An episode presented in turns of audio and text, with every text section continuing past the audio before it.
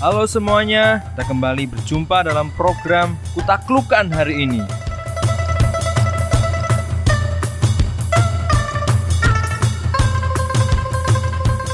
Hanya dengan mata rohani yang baik kita bisa melihat kemudian mengumpulkan harta di sorga. Seperti apa mata rohani yang diperbaharui oleh Tuhan Yesus? Ketika kita berbicara tentang mata, kita juga membicarakan tentang sudut pandang. Ketika kita berbicara tentang sudut pandang, kita juga berbicara tentang posisi seseorang. Untuk memperjelas ini, kita akan kembali menengok bacaan yang pernah saya sarankan sebelum membahas mengenai harta. Kita ingat kembali apa yang dikatakan di Yesaya 58.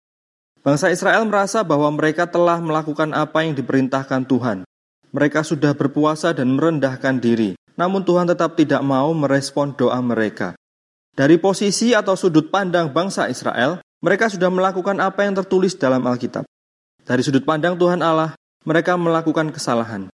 Karena itu Tuhan meluruskan sudut pandang mereka dan menyuruh mereka menempatkan diri dalam posisi yang benar.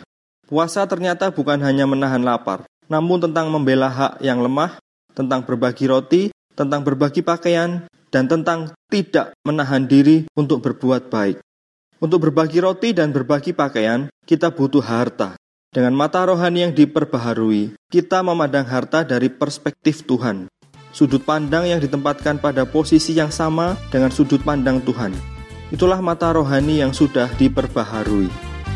Tuhan Yesus memberkati.